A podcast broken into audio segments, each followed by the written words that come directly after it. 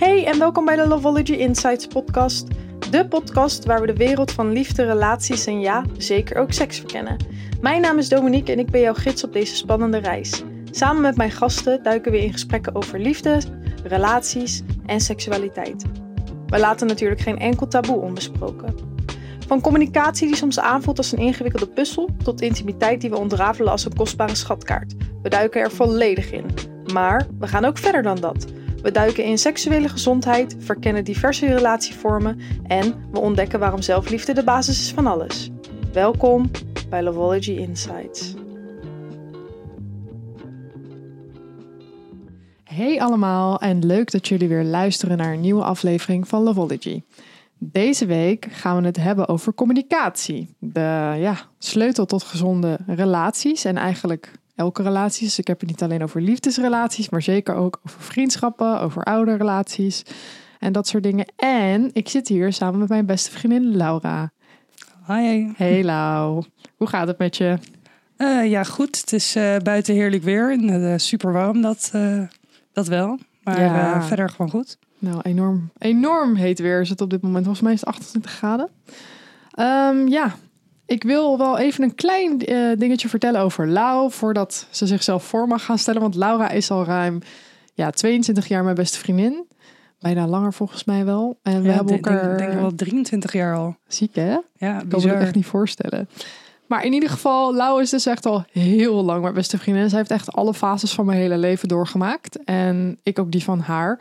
Zeker hele goede tijden, ook best wel wat slechte tijden. Maar ja, eigenlijk toch wel overal doorheen gekomen. We waren vroeger echt twee van die draakjes. De hele dag alleen maar lekker in het drek spelen en dat soort dingen. en ja, nu wil ik het woord aan jou geven, Lau. Want wil jij mijn luisteraars, de luisteraars van de Loveology podcast, eens vertellen wie je bent? Eh, nou, ik ben Laura en ik ben 27. Eh, zoals Do al zei, we zijn al heel lang vriendinnen. We kennen elkaar vanaf de kleuterklas al. Ehm, ja, we hebben ook samen gesport vroeger, heel lang gehandbald, samen in het team gezeten. En nou ja, eigenlijk altijd wel, eh, altijd wel weer bij elkaar teruggekomen. Ehm, ik zit zelf nog aan, ben zelf nog aan het studeren, pedagogiek, laatste jaar. Dus mag binnenkort lekker aan de slag gaan. En eh, ja, daar heb ik hartstikke veel zin in. Super fijn. Hoe gaat het daarmee met je studie? Ja, gaat wel goed. Ik heb eh, nou ja, aardig wat dingetjes achter de rug gehad. En nu is het tijd om echt te gaan afronden. Lekker. Is dat een fijn gevoel of vind je het ook wel een beetje stressvol? Ja, beide wel. Het is ook wel. Ik heb wel lang gestudeerd, dus dan is het Mhm. ook wel weer spannend dat het straks klaar is. Ja, en dan gaat het echte, echte mensenleven beginnen. Ja, Maar ja, daarentegen, jij hebt al flink wat voor je kiezen gehad. Dus het echte mensenleven, dat eh dat komt ook wel. ik wou net zeggen. Oké, nou, het volgende subject is de relationship check-in. En ja, in de relationship check-in gaan we natuurlijk even praten over hoe de relaties op dit moment zijn. En ik wil eigenlijk aan jou vragen, Lau, hoe ja, ziet jouw liefdesleven er op dit moment uit? Ja, eigenlijk vrij goed. Ik eh, heb een leuke vriend leren kennen. En eh, ja, daar ben ik nu wel een tijdje mee samen al. En eh, ja, we hebben het gewoon gezellig met elkaar. en Een beetje kijken waar, waar, het, he- waar het ons heen brengt. Ja, en wil je eens aan mij vertellen hoe deze relatie tot stand is gekomen? Vind je dat? ja, ja. ehm, nou, we hebben elkaar eigenlijk ontmoet via Tinder. In eerste instantie niet met het idee om een relatie te krijgen.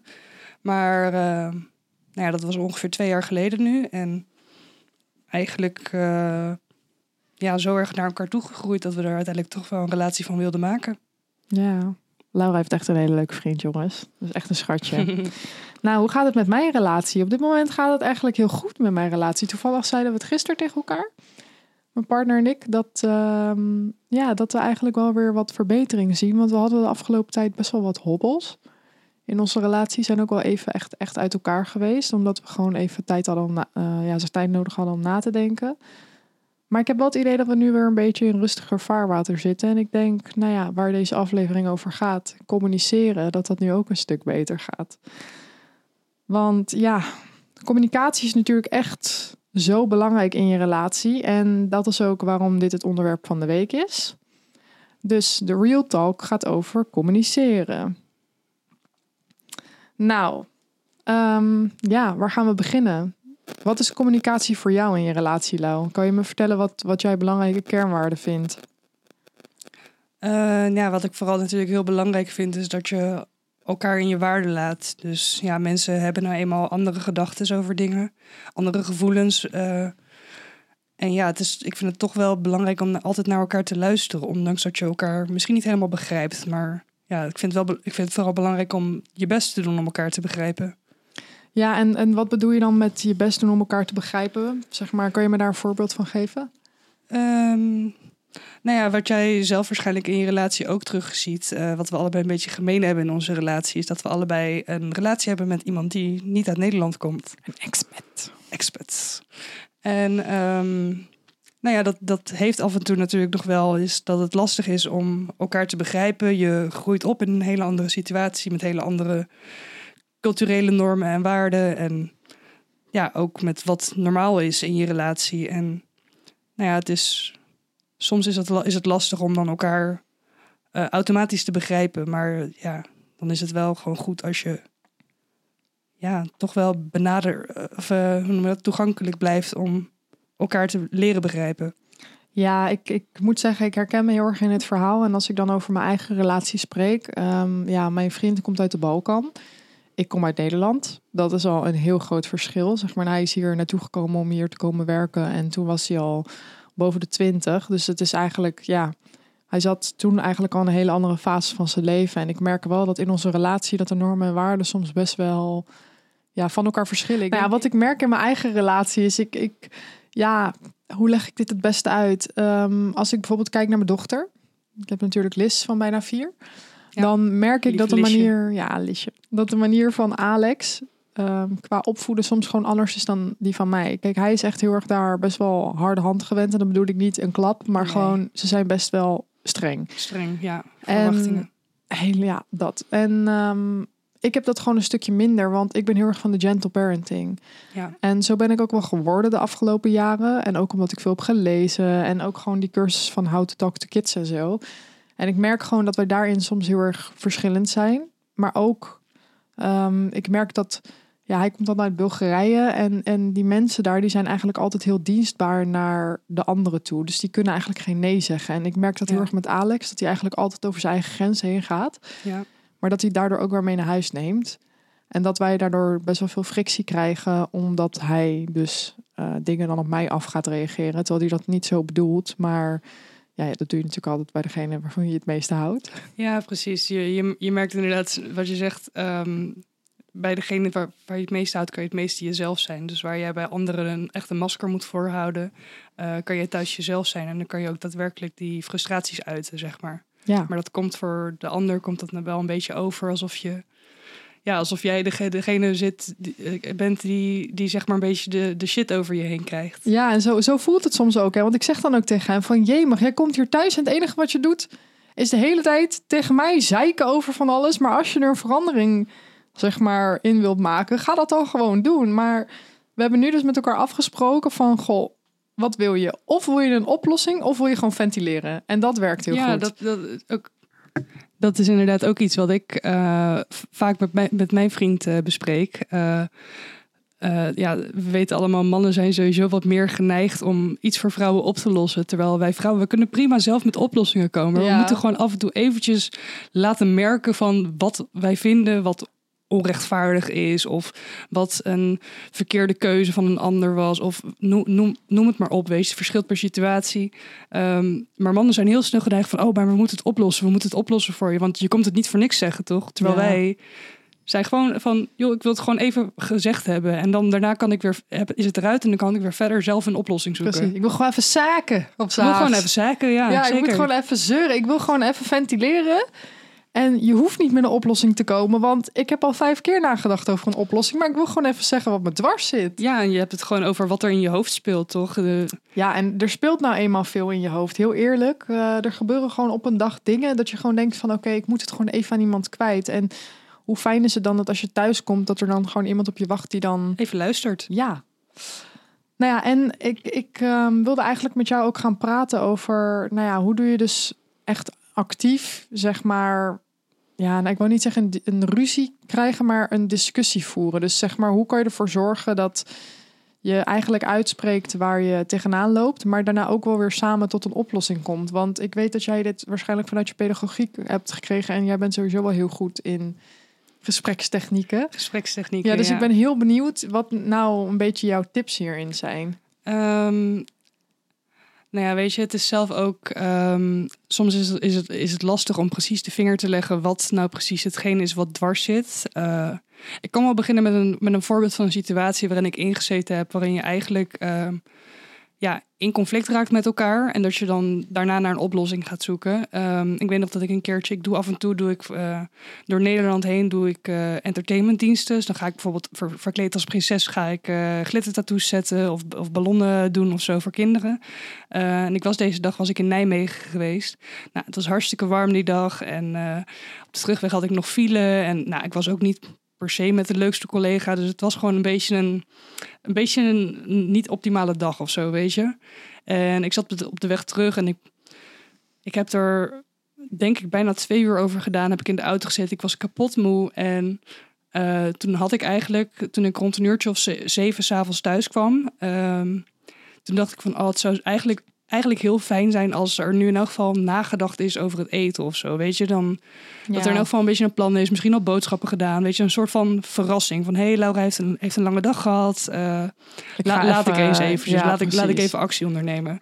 Nou, en toen, toen kwam ik dus thuis en ja, toen was er dus, toen lag mijn vriend op de bank en die zei, hey, lieverd. eh, En jij Dus, dacht eh, oh my god, ik ja. schop je heel ja, en in eerste, in eerste instantie dacht ik eigenlijk van, werd ik gewoon zagrijnig, weet je. Dus dan ga je eigenlijk een beetje het gesprek juist vermijden, weet je. En op een gegeven moment, toen zei ik dan wel van, ja, ik had het wel eigenlijk fijn gevonden als er, als er iets geregeld was, weet je. Je hoeft niet altijd op mij te wachten. Ik heb een drukke dag gehad.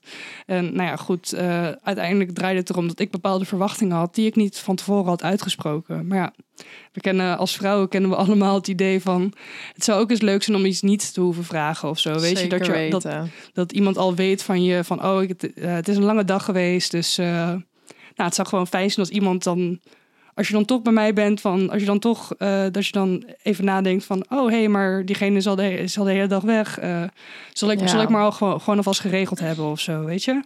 Maar goed uiteindelijk eh, ontplofte dat wel een beetje en toen dacht ik ook van op het moment dat ik een beetje ontplofte kijk ik ben niet het type dat gaat schreeuwen of zo maar ik kan wel een beetje passief agressief worden Ik weet Ehm, dat mensen, want dat hebben wij ook een aantal keer gehad.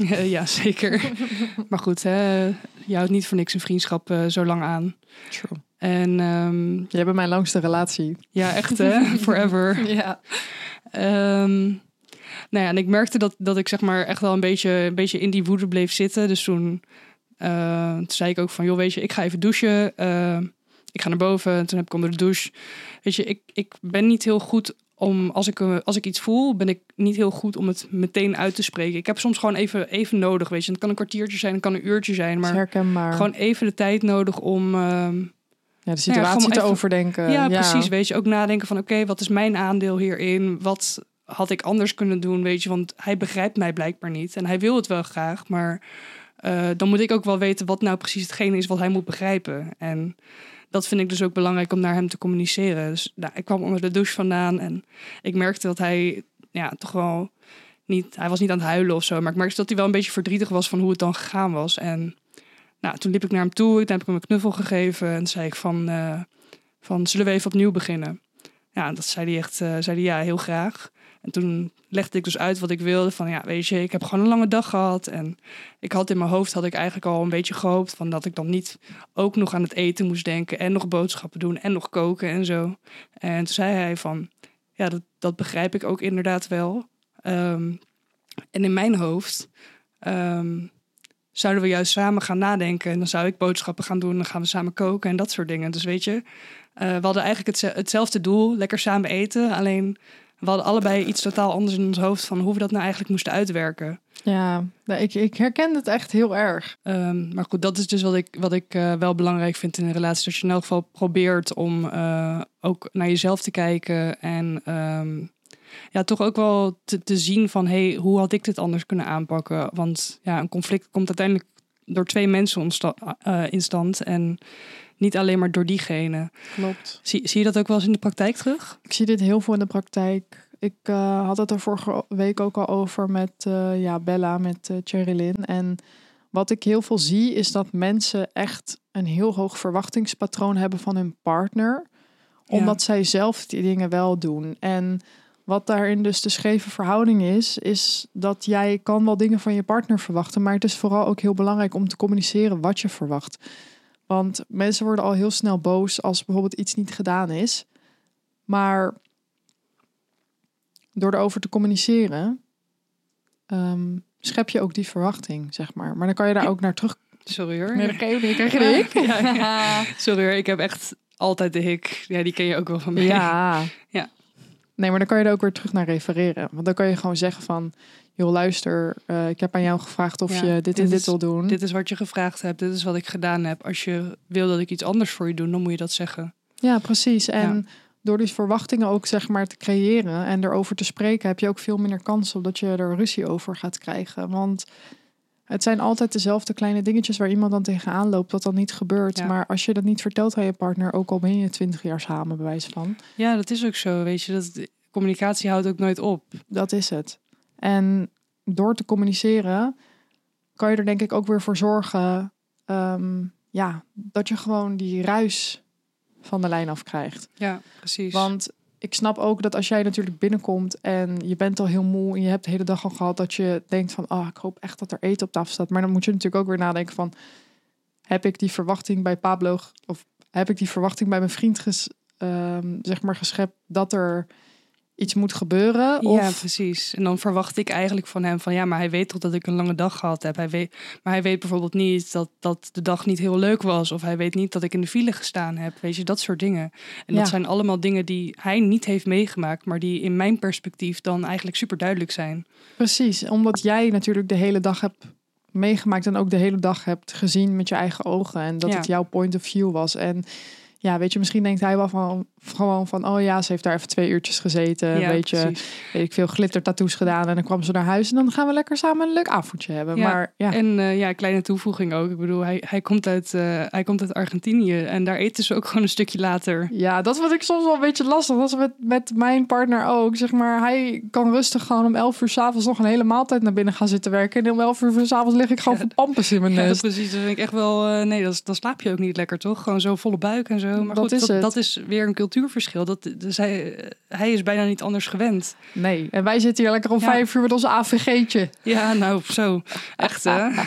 Nou, bij mij thuis. Ja, bij jou thuis vooral inderdaad. Kijk, ik ben nog wel redelijk gewend om te eten ja, rond half zeven, half, tussen half Mhm. zeven en half acht, denk ik. Maar jij at vroeger altijd echt super vroeg, Heel inderdaad. vroeg, om vijf uur.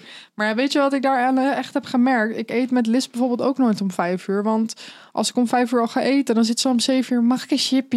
Ja, Weet je, precies. dan dan denk moet ze weer wat eten. Precies, en ik snap het ook, want ik heb ook honger. put. Ja.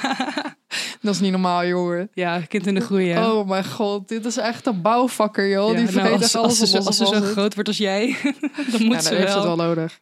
Ja, maar het is inderdaad wel zo. Het is gewoon een stukje ja, verwachting scheppen, denk ik. Het Ja. is gewoon een stukje verwachtingsmanagement. Ja, het is, ehm, om het even heel mooi te zeggen, eh, het is jouw perspectief projecteren op de ander. Ja. En ja, dat, dat is, je zou heel graag willen dat mensen je gedachten kunnen lezen, maar uiteindelijk is dat heel erg onrealistisch. Weet je, het is geen, het is geen sprookje, het is geen Disney of nee, het is eh, niet geen no- happily ever after. ja, geen notebook of zo. Weet je, mensen moeten gewoon praten. Weet je, dat, dat is het gewoon. Hey, maar in een notebook gingen ze ook uit elkaar en kwamen ze nooit meer samen. Echt waar. Ja. Dus eh, nee, maar het is echt zo. Het is niet zo van eh, lang, lang geleden leefde er een prinsesje en die kwam een prins tegen en ze gingen trouwen en ze leefden nog lang en gelukkig. Het is heel anders in de De normale relatie wereld. is wel is wel gewoon werken samen ook, weet je. Ja. En natuurlijk zijn er momenten dat het als vanzelf gaat en dat het zo voelt alsof het altijd al zo gehoord heeft. Maar eh, er zijn ook momenten dat je gewoon met elkaar samen eruit moet komen. Ja, het is gewoon investeren. Je moet gewoon investeren in je relatie. Als jij eh, voor 50% meedoet en je partner die doet zeg maar voor 100% mee bij wijze van, dan is daar al een hele scheve verhouding. En dan Ja. gaat je draagkracht en je draaglast ook Ja, uit precies. balans. Ehm, wat ik, eh, waar ik nog even op wil inhaken. Jij zei, had het net bijvoorbeeld over voorkomen van ruis.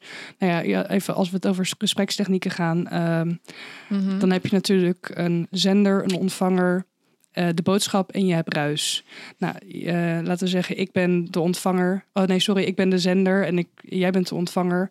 En mijn boodschap, dat in mijn hoofd gevormd is, die is hartstikke duidelijk. En die breng ik zo over zoals, ja, zoals in mijn perspectief ik dingen weet. En ik breng die boodschap op jou over, maar er is altijd ruis. Of dat nou eh, externe ruis is of interne ruis.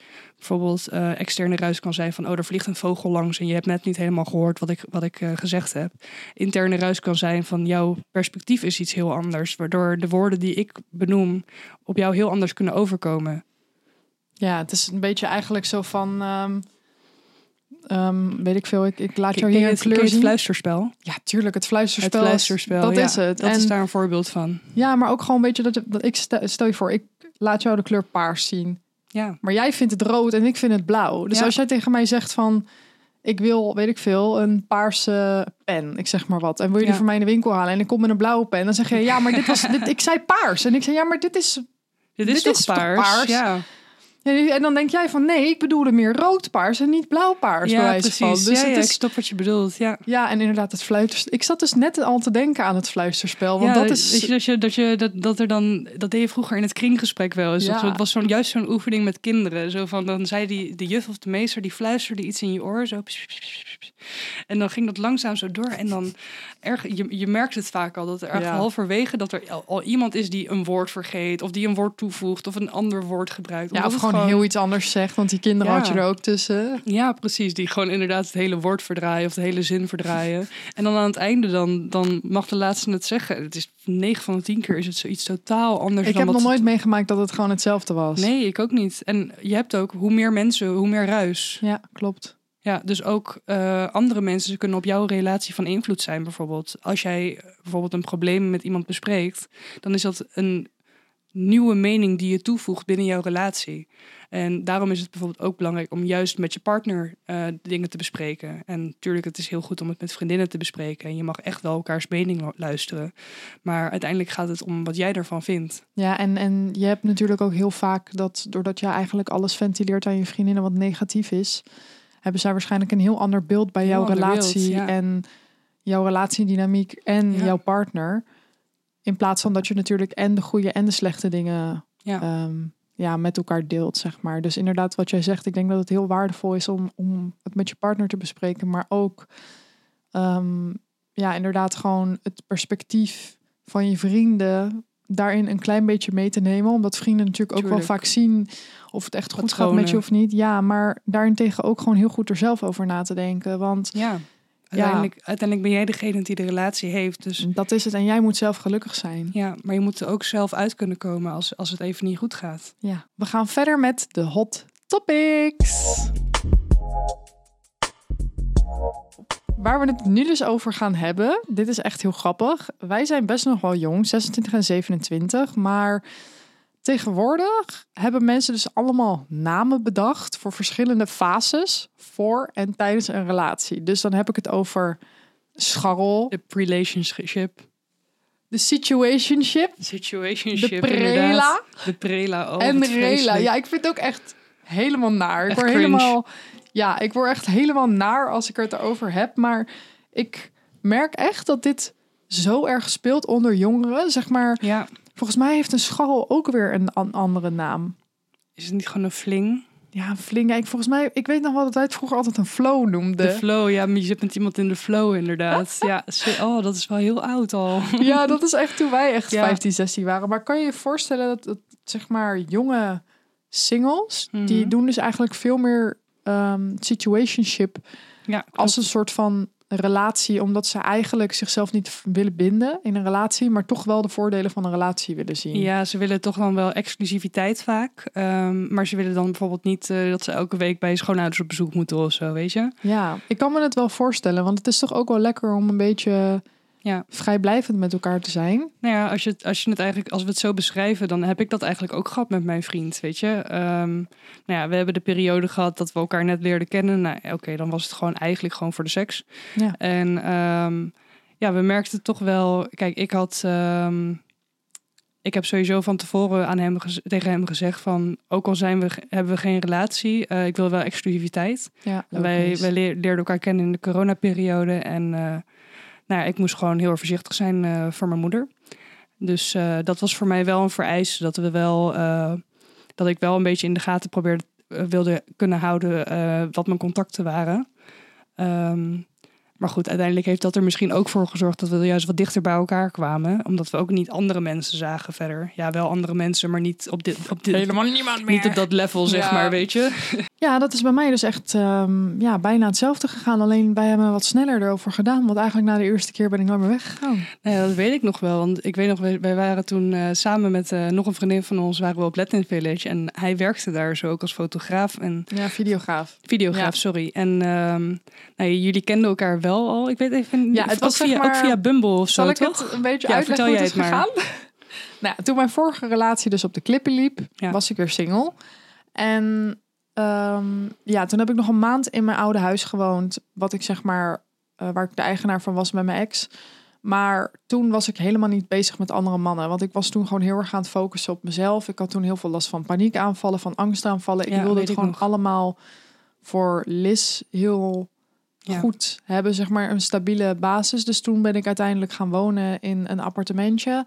Echt 35 vierkante meter, één Drie woonkamer. hoog. Ja, drie hoog. Ja. Één woonkamer, één slaapkamer. Maar je hebt het wel zelf gedaan. ja, Dat vond ik echt wel heel knap van je. ik had het helemaal zelf alles ingericht, zelf gekocht. Ik Ja, had ik Alles in elkaar dan- gezet. Precies. Ik sliep wel met Liz in één slaapkamer. En de bedoeling was dat zij dan in haar eigen bed zou slapen. Maar dat deed ze niet, want ze kwam elke nacht bij mij liggen. En ik vond het ook helemaal niet erg. Maar op een gegeven moment ging zij dus ook naar haar vader toe voor de helft van de week. En dan zat ik dus de hele tijd alleen.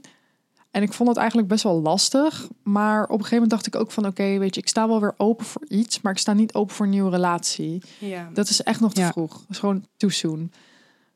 Nou ja, en toen zei jij volgens mij... Volgens mij was je een, van de mensen die tegen mij zei van... Ja, Tinder, hmm, misschien moet je even op Bumble kijken. En ik dacht, wat de fuck is Bumble? Nooit van gehoord. Ja, het zou best kunnen, inderdaad. Precies. Nou, ik Bumble gedownload. En ik was zo aan het swipen, maar ik ben heel kieskeurig. Ik kan echt...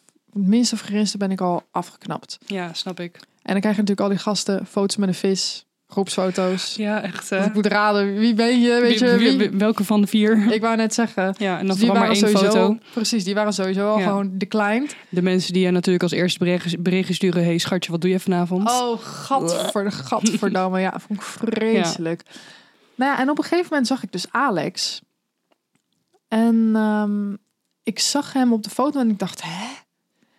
Ik ken jou ergens van, maar ik kan niet plaatsen waarvan ik jou ken. En ik Ja, swipe hem dus. wel, ja. ja. ik swipe hem. Volgens mij swipe je naar rechts toch als je iemand leuk vindt. Volgens mij wel, ja. ja. Ja. Nou, in ieder geval, ik had hem geswiped en we waren in gesprek geraakt. En toen zei ik tegen hem van, joh, ik ken hem ergens van, maar ik weet niet zo goed waarvan. Dus nou ja, wij aan de praat, aan de praat. En op een gegeven moment zei hij tegen mij van, ja, wat is je Instagram? En toen had ik mijn Instagram naar hem toegestuurd. We hadden ook nummers uitgewisseld. Ik had trouwens daarna gelijk die Apple eraf gegooid. Want ik dacht, nee, dit is echt niks Het is wel mij. weer genoeg geweest. Ja, ik had gewoon een paar keer geswiped, maar niemand echt gelijk. Ik dacht gewoon van, ja, dit is echt een vleeskeuring. Nee, ik heb hier echt geen zin in. Ik heb er ook nooit echt lang op gezeten. hoor. Nee. Dus ja, ja. Ja. dus ik had, eh, was met hem aan het praten. Volgens mij waren we zelfs al aan het facetimen. Echt al de eerste avond gingen we al facetimen. En toen zei hij tegen mij van wat is je Instagram? Toen had ik mijn Instagram gegeven. En toen zei hij, huh, ik volg jou al. Echt? Dus ik dacht echt, wat? ja, Weet je? Dit, dit, dit zegt me wel wat, maar Ja. ik weet even niet meer. Nou, ik ga het nu dus verder vertellen. Dus toen zei ik van, hé, maar wat is jouw Instagram dan? Dus nou ja, ik had zijn Instagram gezien. En ik zeg, weet je waar ik jou van ken? Jij bent de videograaf van de feesten waar ik altijd naartoe ga. Want ik Oh, ging altijd zo, naar ja. Mets en naar Must. En weet ik het allemaal, omdat er één DJ was, zeg maar, die ook de organisator was. Die Ja. een vriend van mij Ja, die was. ken je, ja. Ja, dus ik zeg, huh? En toen zag ik dus, bij Mets is er zelfs nog één keer geweest dat hij een foto van mij heeft gemaakt. Echt waar. Die hebben hun gepost online en daarin hebben ze hem getagd en mij getagd. Ah, oké. Dus ik denk dat hij mij toen zo is gaan volgen. Dus ik zei, huh, maar dan ken jij ook die, dan ken jij ook die. Dus hij zo, ja, ja, die ken ik, die ken ik. En ik dacht, nou, Ja, dat is echt toevallig dan. dit is zo vreemd. En eh, ik weet het nog wel precies, wat was, dat was op een maandag. En toen op donderdag eh, had hij gevraagd of ik naar hem toe wilde komen. Nou, en we hadden natuurlijk in de tussentijd wel gewoon gefacetimed en zo en gebeld. En ja, het voelde eigenlijk wel heel chill. Maar ik zei wel tegen hem van, het is voor mij echt nog heel vrijblijvend. Want Je ja. hebt wel meer dingen waar je aan moet denken. Precies. En ik had ook zoiets van: ik heb echt een trauma opgelopen aan hoe mijn vorige relatie is geëindigd en hoe dat allemaal is gegaan. En dat was ook mijn echte enige relatie die echt Ik heb daarvoor ook wel relaties gehad, maar die Ja, echt je was echt heel lang samen met hem ook. zeven jaar. Ja, en jullie hebben echt wat opgebouwd. eh, Precies, alles samen. erbij. Ja, kind. Dus ik dacht gewoon bij mezelf van ja, dit vind ik echt heel moeilijk om nu zeg maar weer iets nieuws op te bouwen. Omdat ik de hele tijd dacht van ja, maar wat als dat dan weer fout gaat? En ja. ja. ik was er gewoon eigenlijk helemaal niet aan toe. En hij respecteerde dat heel erg. Want hij zei van ja, ik kom ook net uit een lange relatie. Dus laten we gewoon kijken waar het naartoe loopt. Of waar het naartoe gaat. Ja, En- hoe het loopt. Precies. En hij woonde ook best wel een stukje rijden. Want ik ging dan naar hem toe op donderdagavond. Maar ja, hij woont in de buurt van Rotterdam. En ik kom zelf uit Den Haag. Ja, die heek. Die heet. 070. Ik wou net zeggen, dat wilde ik dus net zeggen. 070. 070. Maar, ehm, dus ik was hier naartoe gekomen. Naar zijn huis. We zitten nu ook in zijn huis. Dus daarom zei ik hier. Nou ja, en eigenlijk vanaf het moment dat ik hem zag. Dacht ik echt van... Ik vind jou echt een hele leuke gast. Hij was super chill. Hij was heel erg bezig met mij het hof maken. Dus dat was ook heel fijn. En eigenlijk voelden we instant gewoon al een klik. Nou, het was een super gezellige avond. Toen zei hij, blijf je logeren? Toen zei ik, nee, want ik heb niks bij me. En ik dacht ook gewoon van, ja, eerste avond. Ik wil eigenlijk gewoon naar huis gaan. Even een beetje ontprikkelen. Weet je, even Mhm. een beetje op me in laten zinken hoe dit was. Ja, precies. Want hij was eigenlijk echt de eerste, Eerste contact al eerste contact en eerste Ja. date ook echt. Waarmee ik bezig ben geweest nadat mijn relatie over was. Nou, en toen hebben we gewoon contact gehouden. En toen zei hij dus tegen mij, hij liet er echt geen gas over groeien. Hij zei, ja, zaterdag heb ik een festival waar ik moet werken. Zal ik daarna bij jou komen slapen? en toen zei ik zo, "Ehm, oké, ik denk ik. Nou, hij op zaterdagavond naar mij toe. Superleuke avond gehad. Was al best laat. Had hij nog McDonald's meegenomen. Dat is echt fucking schattig. Lekker. Ja, alleen op zondagochtend werd er ineens aangebeld bij mij voor de deur. Stonden mijn ouders voor de deur. Oh, Ja. Dus nou, hij had mijn ouders gelijk ontmoet. Maar hij zei toen ook tegen mij van ja, we, we moeten gewoon kijken waar het naartoe gaat. Want hij zat er ook best wel mee dat ik al een kind had. Vond hij best lastig, wat ik ook snap. Want er komt toch ineens een kind in je leven. Dat is toch een extra verantwoordelijkheid die je erbij draagt. Ja, en het is dan ook niet jouw eigen kind. Dus dat is denk ik ook Ja. al anders. Nou, en toen waren we gewoon steeds vaker samen. En toen op een gegeven moment zei ik tegen hem van... ja, ik vind het niet zo fijn om bij jou te slapen... wat ik al voor in mijn vorige podcast had verteld. Ja, precies. Omdat ik mijn spullen niet bij me heb. Nou ja, toen had hij dat allemaal voor me gehaald. En ook, ja, ik had gewoon wat spulletjes hier neergelegd. Want hij zei van, ja, leg gewoon wat spulletjes van jezelf hier neer. En zo is het eigenlijk gegroeid. En na anderhalve maand of zo, twee maanden... zeiden we tegen elkaar van, ja, wat is dit nu eigenlijk? Ja, maar het is wel fijn ook die openheid. Dat, hij- dat hij er wel voor open staat. Van, oh, oké, dus je hebt gewoon... Ik wil je bij me hebben, dus dan leg maar gewoon wat spullen hier neer, weet je? Precies. En daarmee dacht ik ook van, oké, hij is wel echt serieus. Want hij gaat niet aan elke random vrouw die hier komt zeggen van, joh, leg maar wat spullen hier neer. Zou wel handig zijn Nee, voor mij, want dan precies. lagen er hier wel flink wat spullen al. lagen hier al meer spullen. Ja, dat scheelt weer geld. Nou ja, en, en eigenlijk was het gewoon zo relaxed en was het zo chill. En toen zeiden we ook tegen elkaar van ja, dit is niet meer alleen maar casual daten. We zaten niet meer in een situationship. Ja, We wel, zaten ook niet meer in een prela. het was gewoon een echte rilla. Het was gewoon een rela. Dus eh, nou ja, toen hadden we een relatie. Toen is die eigenlijk voor de eerste keer mee geweest naar mijn familie op de verjaardag van Liz. Ja. 17 oktober. Zeiden ze ook van, oh, leuk je weer te zien. Ja. dat vind ik echt zoiets Je van je vader. je weet toch precies hoe mijn Ja. vader is. En toen ja, heeft hij eigenlijk iedereen ontmoet. En hij had de week ervoor Liz ook al ontmoet. En ja, eigenlijk sindsdien is het gewoon dik aan. We Ja. hebben wel even wat moeilijkere periodes gehad. Vooral omdat we, wat ik al vertelde, qua opvoeding gewoon op een andere, op een andere lijn zitten. En we proberen nu wel samen naar één lijn toe te gaan. En ik zei ook tegen hem van ja, ik snap dat jij ook graag wat te zeggen wil hebben. Maar denk dat het anders wordt op het moment dat wij in de toekomst samen gaan wonen. Omdat je dan toch ook meer met Liz be- bent. Ja, precies. En nu is dat toch ook wel weer wat minder. Omdat we hier gewoon niet heel vaak zijn. En het is toch ook anders. Ja. Maar eigenlijk ja, gaat het gewoon hartstikke goed. En ik had nooit verwacht dat ik nu al 14 maanden samen zou zijn. Met, ja, met hem. En, en ik heb zijn ouders al ontmoet. We zijn al naar Bulgarije geweest. Samen hebben- geweest daar, ja. ja, we zijn met de auto naar Bulgarije gereden. We hebben het eigenlijk super fijn met elkaar. En we Ja. denken ook heel erg aan de toekomst. En ik heb echt het gevoel met deze relatie van ja, ik hoop dat we eigenlijk niet meer uit elkaar gaan. Ja, maar dat is ook mooi toch? En dan dat je echt samen wat kan, kan bouwen, weet je. En tuurlijk zijn er op elke weg zijn er hobbels, weet je. Eh, ook op een, op een eh, nieuwe gladde weg. Daar, ook daar komen hobbels in voor, weet je. Ik wou net zeggen. En ja, als je gewoon samen wil zijn, dan moet je er gewoon zelf en die ander moeten gewoon allebei er iets aan doen om samen te kunnen blijven. Ja. Ja, inderdaad. Vooral in gesprek blijven. Ik wil doorgaan naar de love letter. En de love letter is dat eh, ja, het zijn eigenlijk vragen van de luisteraars. Oké. Ehm, nou, dit is een hele toepasselijke vraag, want iemand vraagt hier. Bedankt voor je vraag, bedankt dat je het wilde insturen. Ehm, er is hier iemand die vraagt: hoe kom ik van een prela naar een rela? Hoe kan ik zeg maar ervoor zorgen dat mijn situationship slash prela, Jeetje. zeg maar, hoe kan ik het gesprek aangaan om naar een relatie toe te gaan? Ja, ehm, nou ja, sowieso gewoon praten over wat jouw behoeften zijn. Als jij, als jij de behoefte hebt om echt met iemand samen te zijn. En nou ja, ik noem maar een voorbeeld. Inderdaad, diegene aan je ouders voor te stellen. En, en nou ja, dat soort dingen. Misschien samen kerst vieren, weet je, samen vakantie gaan. Dat soort, dat soort dingen. Spreek dat gewoon uit. En nou ja, ik denk met dat soort gesprekken zijn mensen vooral bang op afwijzing. eh, voor afwijzing. En ja, weet je, eh, afwijzing is ook een antwoord, zou ik zeggen. En ja, ik zou zelf ook eh, een afwijzing niet leuk vinden. Dus dan vermijd ik zelf zo'n gesprek ook. Maar ja, op een gegeven moment is de drang om antwoord te hebben toch groter dan het gesprek te vermijden. Ja, ik ben het daar helemaal mee eens. Ik denk dat het gewoon belangrijk is om transparant te zijn. Het is denk ik belangrijk dat je gewoon vertelt wat jouw verwachtingen zijn. En je kan bijvoorbeeld ook gewoon heel casual zo'n gesprek beginnen met van, nou ja, we zijn nu natuurlijk al best wel een tijd met elkaar bezig. En ik vind het eigenlijk heel fijn zo.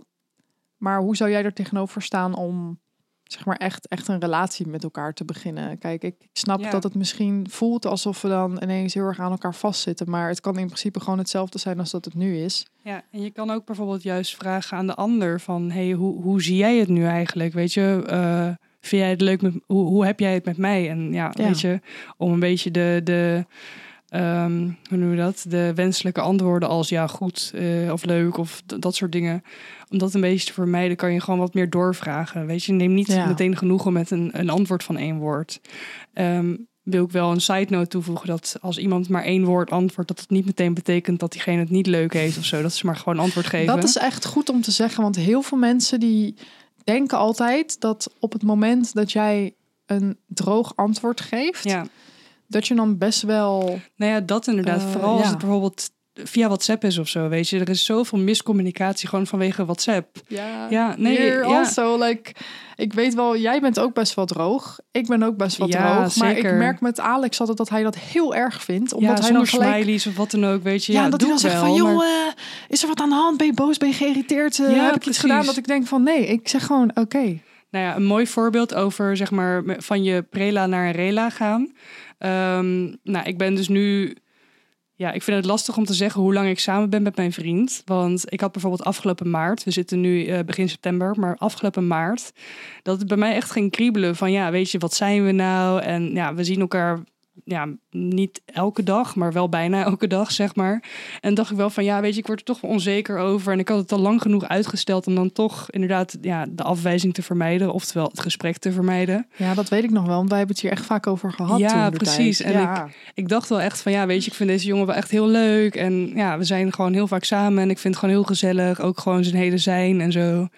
En ehm dus heb ik toch gewoon even, ja, toch even mijn ballen opgeraapt, weet je.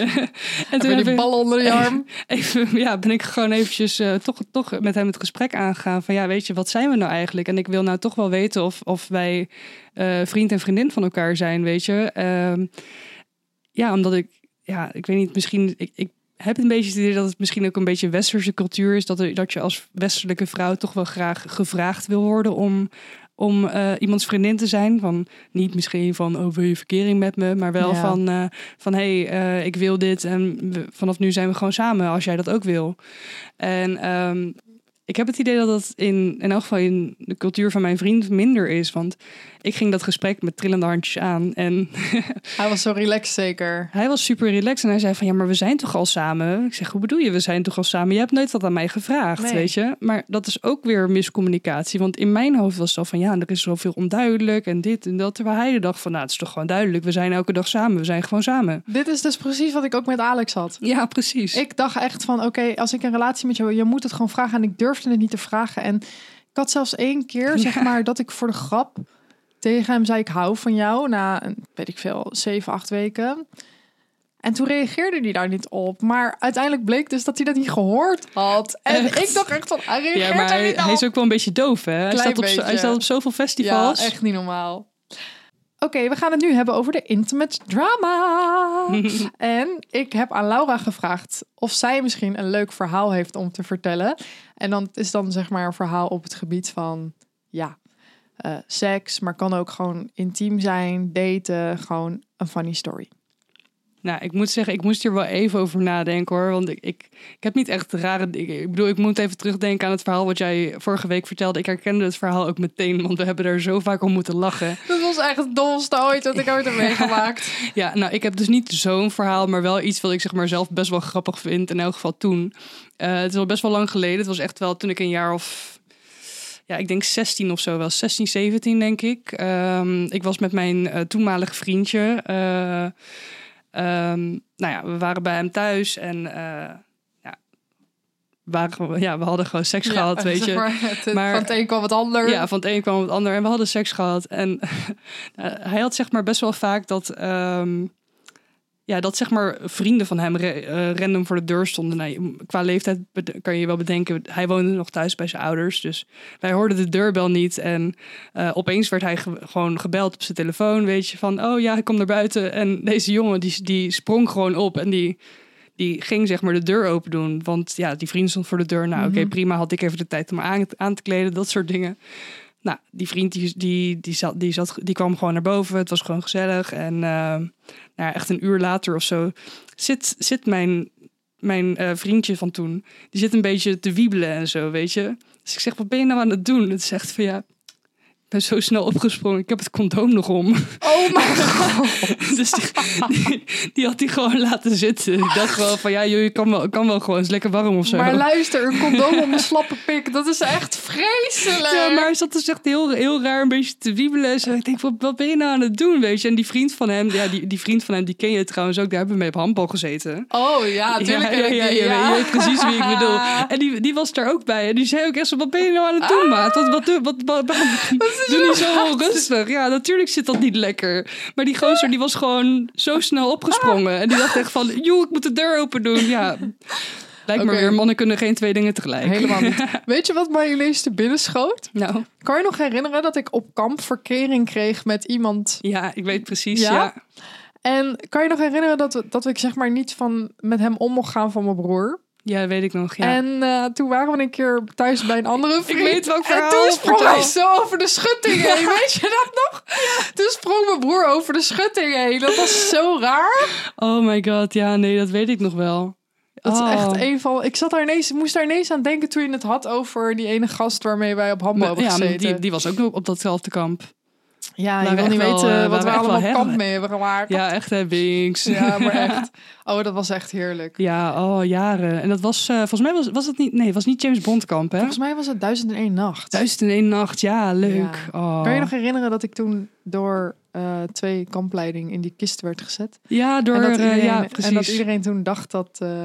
Dat, oh, dat het zo, ik weet, kan je je nog herinneren die hartaanval die ik kreeg? ja, was Even, voor context, eh, zeg maar, eh, we waren gewoon een beetje vervelend aan het doen, zeg maar, eh, ja, voor, voor het plaatje. We waren volgens mij 15 en 16 Ik of zo, misschien jonger zelfs. Ja, Ik denk dat, we, dat jij 12, ik 13 was, zoiets. zoiets of 14, want ik had nog een beugel. Dat weet ik Oh nog. ja, ja. Nou, laten we zeggen ve- 14 en 15 dan. En ehm, ja, we waren gewoon irritant aan het doen. En er waren gewoon twee leidingen die zeg maar Do, Do opeens oppakten. En haar zeg maar mee naar achter. Ja, na, zo naar achter. dat klinkt een beetje haar raar. Ja, we Die- ze, ze sleepte haar zeg maar de, de slaapzaal uit, Ja, zeg ook maar. Weet vooral je. omdat ik eigenlijk een van de aanstichters was. En ze hadden al meerdere keer gewaarschuwd. Het was er van, bloedirritant op dat normaal. moment. Dus ze hadden echt maar gewoon gezegd van... joh, we gaan nu iemand weghalen, want jullie moeten gewoon slapen. Ja, en ze hadden haar dus die kamer uitgetrokken. En nou, eh, dat stuk toen, daar, daar waren we niet bij. Maar wat bleek, ze hadden haar gewoon in een kist gestopt. En Ja, dat wisten, dat dachten wij in elk geval. Maar dat was dus niet zo. nee. Want die twee die stonden echt met die kist te slingeren en weet ik veel wat en zo. En wij dachten van nou zo, die, die zal wel misselijk eruit komen, weet je. Maar in één keer laten ze die, die kist vallen en je hoort echt... Bam, Ja, weet je, echt keihard. keihard. gewoon. En ik, ik ja, Do, mijn beste vriendinnetje, die, die, ik zat echt met een hartaanval. Je hoorde me echt gillen. Ah, ja, Do. En toen kwam ik daar zo En aanlopen. Do die kwam echt zo, echt zo als een soort van clowntje Ja. kwam zo achter die, achter die muur vandaan. Nou, Maar daarna hebben we wel geslapen. zo, we hebben we echt waren geslapen. echt, echt zo eh, geschrokken. Maar kan je nog ook herinneren? Dit is zo grappig. We zitten even een beetje nost- nostalgische dingen op te halen. Want kamp was ook altijd... Iedereen kreeg altijd verkering met elkaar. En, en het was gewoon altijd zo grappig. En kan je nog herinneren? Met accessoires, accessoires. Ja, dat, ik heb dat filmpje ergens nog, denk ik. Dat ik hele dus Doornroosje filmpje. Ja, Oh, ik heb hem op mijn computer. grappig.